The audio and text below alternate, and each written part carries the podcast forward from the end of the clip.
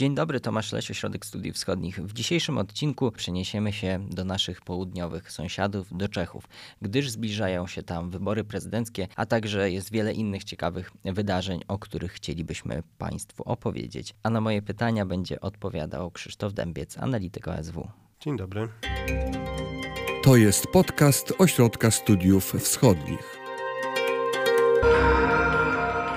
Zaczniemy od czegoś, co na pewno elektryzuje polską opinię publiczną, czyli kwestia podejścia Czechów do wojny na Ukrainie, do, do wspierania Ukrainy. Jak to wygląda teraz? Bo kilka tygodni temu polskie media obiegły obrazki z licznych protestów w Pradze. Jak to jak, jakie są obecnie emocje wokół tej sprawy? Jeśli chodzi o rząd e, Petra Fiali, e, centroprawicowy rząd, który przyjął swój program już w styczniu tego roku, on od początku e, jednoznacznie opowiadał się za wsparciem dla Ukrainy. Petr Fiala był jednym z tych pierwszych przywódców, którzy udali się jeszcze do oblężonego Kijowa. Taki wojskowo Czechy też należały do pionierów, jeśli chodzi o dostawy różnego rodzaju sprzętów wojskowych, między innymi e, czołgów czy śmigłowców bojowych. Mówisz o polityce rządu, a jak na poziomie społecznym? Czy, czy coś się zmienia, jakieś społeczne poparcie lub nie? Jeśli chodzi o społeczeństwo, no mamy do czynienia w tym momencie z rekordową inflacją, jeśli chodzi o Czechy. Tu też trzeba dodać, że Czechy na przełomie lat 80. i 90. nie notowały tak wysokiej inflacji, jaka była chociażby w Polsce i oni nie są przyzwyczajeni do, do tak wysokich stóp, e, jakie, jakie mamy w tym momencie. E, korona zawsze była synonimem pewnej stabilności, tak jak e, niegdyś marka niemiecka w RFN, a jednocześnie rosną ceny energii dość znacząco. No, Dane Eurostatu za, pierwszy, za pierwszą połowę bieżącego roku pokazują, że ten wzrost y, około 2 trzecie w relacji do analogicznego okresu y, ubiegłego roku jest najwyższy w ogóle w całej Unii Europejskiej. Zarazem y, rząd Petra Fiali, w którym, w którym dominującą rolę odgrywa jego obywatelska partia demokratyczna, dość mocno, zwłaszcza z początku, wykazywał przywiązanie do pewnych takich, można powiedzieć, taczelowskich zasad e, ekonomicznych czy, czy polityki gospodarczej. E, w tym sensie, że obiecał już na wstępie i, wiele razy powtarzał to zarówno sam premier Fiala, jak i minister finansów e, też z jego partii Zbyniek Staniura, że partia nie dopuści do wprowadzenia żadnych nowych podatków. Drugą stroną te, tego medalu było to, że niechętnie patrzono na e, wprowadzanie różnego rodzaju programów kompensujących wzrost e, cen prądu czy gazu. No i stąd e, brało się między innymi, to, to, to jest część wyjaśnienia tych, tych wspomnianych przez ciebie protestów społecznych. To się zmieniło, można powiedzieć, między, mniej więcej we wrześniu, w październiku. Mamy tu do czynienia z kilkoma wydarzeniami czy, czy zjawiskami, które notujemy mniej więcej w podobnym czasie. Znaczy, z jednej strony rząd y, dostrzega, że to poparcie sondażowe powoli spada. Druga rzecz to była perspektywa wyborów do samorządów lokalnych. Y, zwłaszcza mm, tutaj y, istotne było odzyskanie Pragi, można powiedzieć. Y, ODS już w poprzednich wyborach samorządowych był tam najsilniejszą partią, natomiast ze względu na skomplikowany układ koalicyjny, układów tych, tych partyjnych skończył tam w opozycji. Tym razem udało mu się w praktyce te, te wybory w koalicji wygrać, natomiast uzyskał poparcie i mniejsze niż w wyborach do Izby Poselskiej jesienią ubiegłego roku i mniejsze niż y, w poprzednich wyborach e, przed czterema laty do samorządu praskiego. Także by, były to już pewnego rodzaju sygnały ostrzegawcze. Kolejny to niepowodzenie planu e, tak, tak zwanego mini budżetu w Wielkiej Brytanii. Można powiedzieć, co ma wspólnego Wielka Brytania z e, Czechami. No trzeba powiedzieć, że po pierwsze, że partia konserwatywna jest taką siostrzaną partią ODS-u. Zarówno ODS, jak i konserwatyści należeli do współtwórców tej pierwszej konserwatywnej platformy europejskiej europejskich konserwatystów i reformatorów. Między partiami są bliskie relacje, a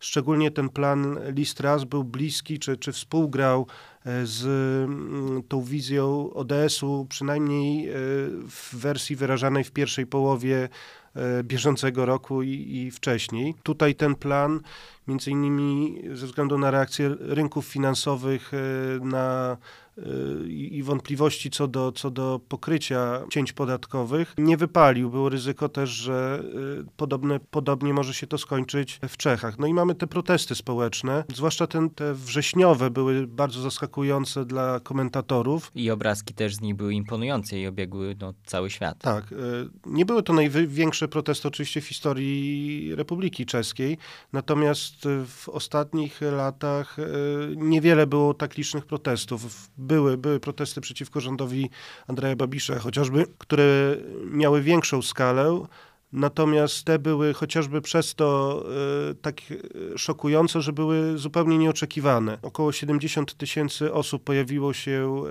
e, na placu Świętego Wacława w Pradze. Jednym z postulatów była renegocjacja umów, czy bilateralne negocjowanie umów energetycznych z Rosją. Wyraźny charakter prorosyjski tych protestów był, był, był również zaskakujący, natomiast szerszym tłem jest pewnego rodzaju niezadowolenie społeczne też z polityki rządu, która e, w niewielkim stopniu reagowała na rażące zmiany w tych e, w realnych dochodach ludności przez, przez, przez znaczący wzrost wydatków chociażby na energię. No i to się można powiedzieć zmieniło w ostatnich tygodniach czy miesiącach.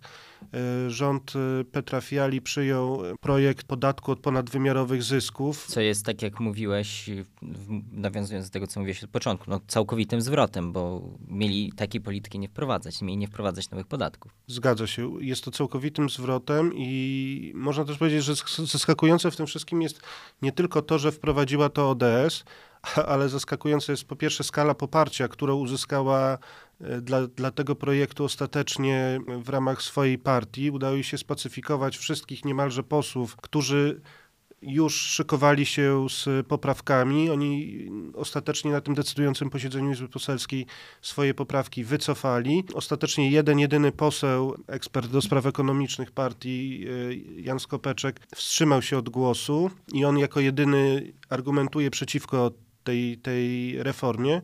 Powiedzmy może o co chodzi w tym, w tym podatku, bo to też jest dosyć, dosyć oryginalna rzecz. Okay, ja jeszcze tylko dodam, że i zaskakujące było też argumentowanie tutaj Margaret Thatcher. To znaczy Staniura wprowadzając y, ten podatek powoływał się na to, że w 1981 roku to Margaret Thatcher, czyli ich jako konserwatystów ekonomicznych czy liberałów e, gospodarczych wzór e, wprowadziła w Wielkiej Brytanii. Jeśli chodzi o sam podatek, w Czechach od, mniej więcej od e, wiosny tego roku rozgorzała dyskusja na temat tego, czy firmy, zwłaszcza energetyczne, nie powinny podlegać jakiejś formie wymuszonej solidarności. Tak to wtedy nazywano.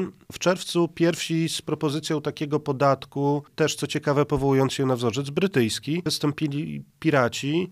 Nie jest to najsilniejsza partia koalicji. Koalicja... Mówimy o partii piratów, żeby to było jasne, bo to jest tak. znana partia czeska, która ma sznyt antysystemowy, jak można zresztą z nazwy wywnioskowywać. Zgadza się. Y, czeska Partia Piratów jest najmniejszą partią koalicyjną. Ma raptem czterech posłów, ale udaje się obsadzić chociażby prestiżowe stanowisko szefa dyplomacji. No, można powiedzieć, że na początku prawicowy ODS y, niechętnie na to patrzył. Odłożono projekt do, nie do, może nie do zamrażarki, ale do lodówki parlamentarnej. No i obserwowano rozwój dalszych wydarzeń. Już wtedy zauważono, że koncerny takie jak ČES, y, ČES największy koncern e, energetyczny w Czechach, który odpowiada za większość produkcji energii elektrycznej w Czechach, kontroluje znaczną część całego łańcucha tworzenia wartości dodanej w elektroenergetyce, od, od wydobycia aż po sprzedaż odbiorcy końcowemu, generowały niebotyczne zyski i, i w związku z tym y, zadawano pytanie, czy jest to moralne, że gospodarstwa czeskie ponoszą coraz, czeskie gospodarstwa domowe ponoszą coraz większe koszty y, comiesięcznych wydatków, a państwo się bogaci. Oczywiście były też inne koncepcje. Y, Była koncepcja mm, przekazania społeczeństwu zysków Czezu w postaci przekierowania środków z dywidend. Państwo czeskie jest właścicielem 70% akcji y, energetycznego giganta, natomiast no, ostatecznie z różnych przyczyn wygrał y, projekt y, podatku od ponadwymiarowych zysków, czyli jak to się mówi też w czeskiej debacie publicznej, windfall tax, czyli podatek od y, zysków, które niejako spadły z nieba. Ale mówiłeś o poparciu dla tego projektu w kontekście e, Izby Poselskiej, ale czy to poparcie jest też społecznie? Czy to jest coś, co może trochę odwrócić negatywne dla rządu trendy? Myślę, że to może sa- sam podatek oczywiście sa- sami Czesi nie podchodzą do tego podatku sceptycznie, on ich nie dotknie zasadniczo. y, Być może, być może zwiększy nieco koszty usług w niektórych y, sektorach. No, ten podatek od ponadwymiarowych zysków, wbrew y, rekomendacjom europejskich, Czesi nałożyli też chociażby na sektor bankowy i tutaj mm, te największe firmy, największe banki, których to dotknie, ostrzegają, że może on się obrócić właśnie przeciwko e, przeciętnym posiadaczom rachunków bankowych. Natomiast y, rząd y, sprzedaje to oczywiście jako e, formę znalezienia środków na kompensację wydatków związanych z kryzysem energetycznym. I te działania rządu, zarówno ten podatek, trochę uspokoiły nastroje społeczne, czy, czy dalej są one, jeżeli ktoś zorganizuje taki protest, jak miał miejsce we wrześniu, to dalej, Twoim zdaniem, to będzie tak rezonowało? Ostatnio można powiedzieć, że i ten spadek poparcia dla partii centroprawicowej koalicji rządzącej e, przyhamował, jak również e, no, nie, nie, nie szykują się jakieś większe protesty. Te kolejne, one miały miejsce, ale nie miały już też takiej skali. Co więcej, ostatnim razem zorga- udało się zorganizować również kontrmanifestację. Nie może kontrmanifestację w stosunku do, do tych postulatów y, większej aktywności na kontekście przeciwdziałania kryzysowi energetycznemu, ale w kontekście tego antyukraińskiego czy prorosyjskiego akcentu tych pierwotnych protestów y, z września. Mm, I udało się zorganizować Pradze no, w zasadzie równie liczną, co wcześniejsza manifestacja y, dzień wcześniej co manifestacja, która odbyła się dzień wcześniej i, i wyrazić niejako też swoją solidarność e, z Ukraińcami, którzy też są licznie przyjmowani w Czechach. Czechy są państwem, które przyjęły w stosunku do liczby swojej ludności najwięcej uchodźców e, z Ukrainy i należą tu wraz z Polską do, do czołówki światowej. Jak rozumiem, nie widzisz sygnałów, aby polityka już stricte czeskiego rządu poparcia dla Ukrainy się zmieniła. Nie, wprost przeciwnie. Czeski rząd y, po incydencie wybuchu rakiety w Polsce bardzo mocno wyrażał swoją solidarność. y, Premier czy minister obrony, zresztą mająca też częściowo polskie korzenie, wyrażali y, zarówno solidarność, jak i gotowość do podjęcia wszelkich, czy poparcia wszelkich działań, które byłyby w tym kontekście niezbędne. No i jasno nazywali też tutaj winowajcę tego wybuchu, czyli, czyli państwa, które zaatakowało de facto Ukrainę. No i też w bardzo dość jednoznaczny, w jednoznaczny sposób e, od początku praktycznie rosyjskiej inwazji na Ukrainę, praktycznie wszyscy członkowie rządu, którzy gdzieś biorą udział w tych dyskusjach, zajmują swoje stanowiska. To wszystko, o czym mówimy, dzieje się w bardzo ważnym politycznie kontekście, to znaczy kontekście wyborów prezydenckich, które już w styczniu, tak? Tak, w połowie stycznia będzie pierwsza tura wyborów, dwa tygodnie później druga. Jak, jak wyglądają kandydaci? Jest zwłaszcza jeden taki, który budzi duże kontrowersje. Najbardziej kontrowersyjnym kandydatem jest zawsze w Czechach e, Andrzej Babisz. On jest e, byłym ministrem finansów, byłym premierem, jednym z najbogatszych Czechów, chociaż e, etnicznie Słowakiem. Babisz po długich, długich rozmyślaniach, po takiej quasi kampanii, którą e, przeprowadził wiosną, latem, objeżdżając znaczną część Czech, długo, długo wahał się, czy wystawić swoją kandydaturę, czy ryzykować przegraną. Jego szanse na zwycięstwo nie są szacowane, y, oceniane jako wysokie. W zasadzie ze wszystkimi liczącymi się kandydatami bliskimi obozowi rządzącemu, bliskiemu centroprawicy, w zasadzie wszystkie te starcia przegrywa. Bo jeszcze nie znamy sondażowo. głównego rywala. Tak, nie znamy głównego rywala, chociaż mamy faworyta na głównego rywala.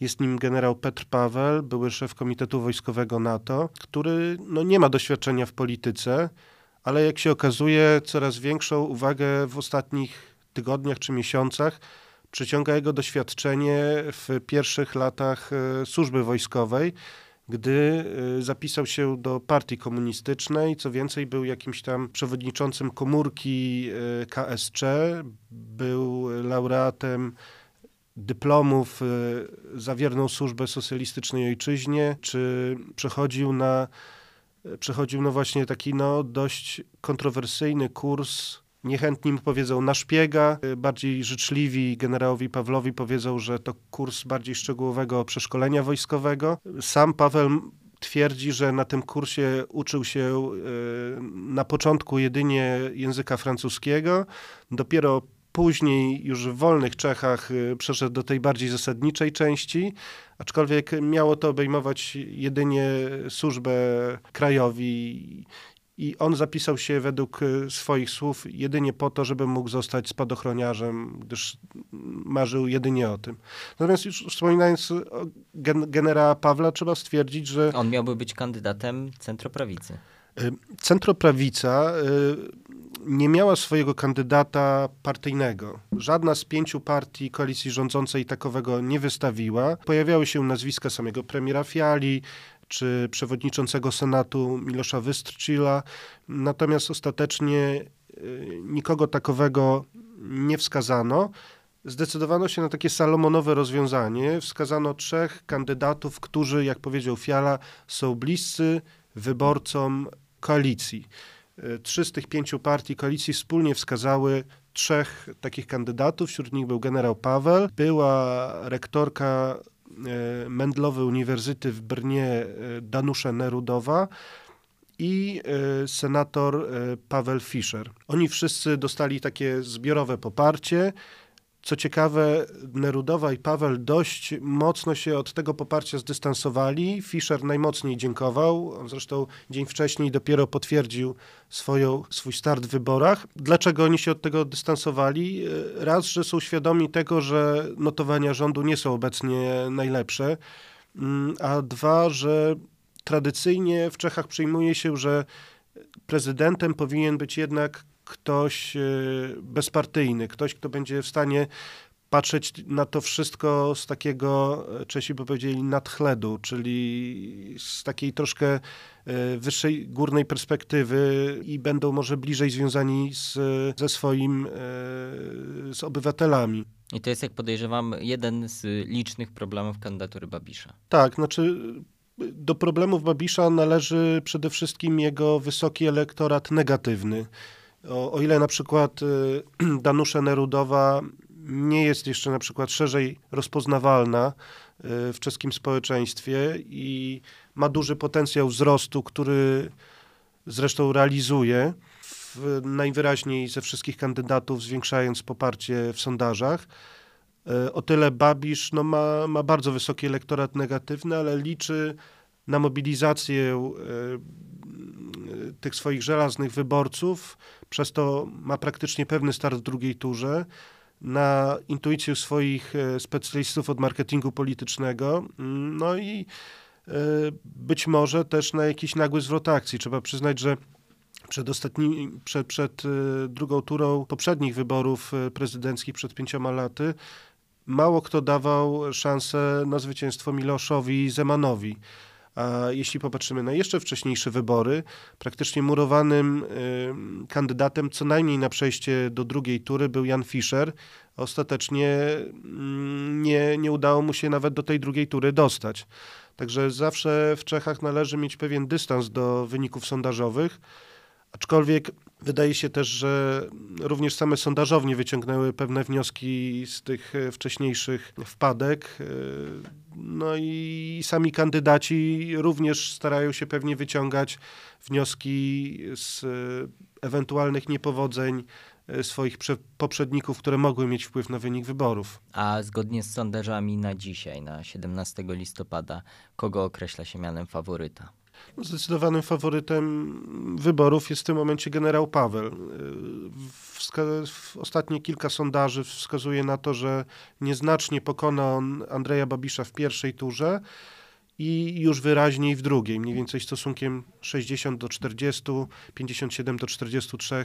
Są tego typu proporcje, które jednak dają, dałyby mu jednoznaczne zwycięstwo. Ale nawet uwzględniając tą, tę gwiazdkę, o której mówiłeś, to generalnie w warunkach praktycznie każdego państwa to jest strata do nadrobienia. Tak, no jeszcze są dwa miesiące kampanii wyborczej. Też nie jest powiedziane, że generał Paweł do tej drugiej tury koniecznie musi się dostać. Bo jak rozumiem, ten elektorat bloku centroprawicowego będzie podzielony. Tak, jest duże prawdopodobieństwo, że ten elektorat poprze kandydata bliskiego obo obozowi centroprawicy E, czy jak się mówi często w czeskich mediach, demokratycznego kandydata e, w drugiej turze, natomiast w pierwszej to rozszczepienie głosów może być dość znaczne. No, widać, że w tym momencie zyskuje poparcie Danusza Nerudowa, która jednak jest dość mało wyrazista i jeszcze jest przed, można powiedzieć, atakiem medialnym czy atakiem rywali na e, różne fragmenty jej biografii. Tego jeszcze nie, w jej przypadku nie odnotowaliśmy. E, natomiast e, jest Paweł Fischer, który może przyciągnąć część wyborców konserwatywnych. E, jest Marek Hilscher, który jest takim kandydatem bardziej obywateli. Tutaj też taka ciekawostka. Generał Paweł właśnie swojej godności wojskowej używa w kampanii. Znaczy, promuje się jako generał Paweł. No podejrzewam, Natomiast... że w kontekście też wiadomych wydarzeń tak? Natomiast y, per analogia Marek Hilscher promuje się jako obywatel Hilscher. Także... Y, Jeszcze pani rektor jest, więc też... Tak, jest pani rektor, która z kolei odwołuje się y, do młodzieży. W języku czeskim jej imię odmienia się, jej, jej imię brzmi Danusze, ale jeśli mówimy kogo, kogo co wybieram, czyli na kogo głosuję, wolim Danushi i ona to Danushi Shi zapisuje w wersji anglojęzycznej SHE. Także jest to takie no, te, też jakby odpowiedź, czy, czy, czy może ukłon w stosunku do y, swoich y, fanów na mediach społecznościowych, na których jest no, niezwykle aktywna. I jeszcze może taka ciekawostka, skąd w ogóle jej kandydatura.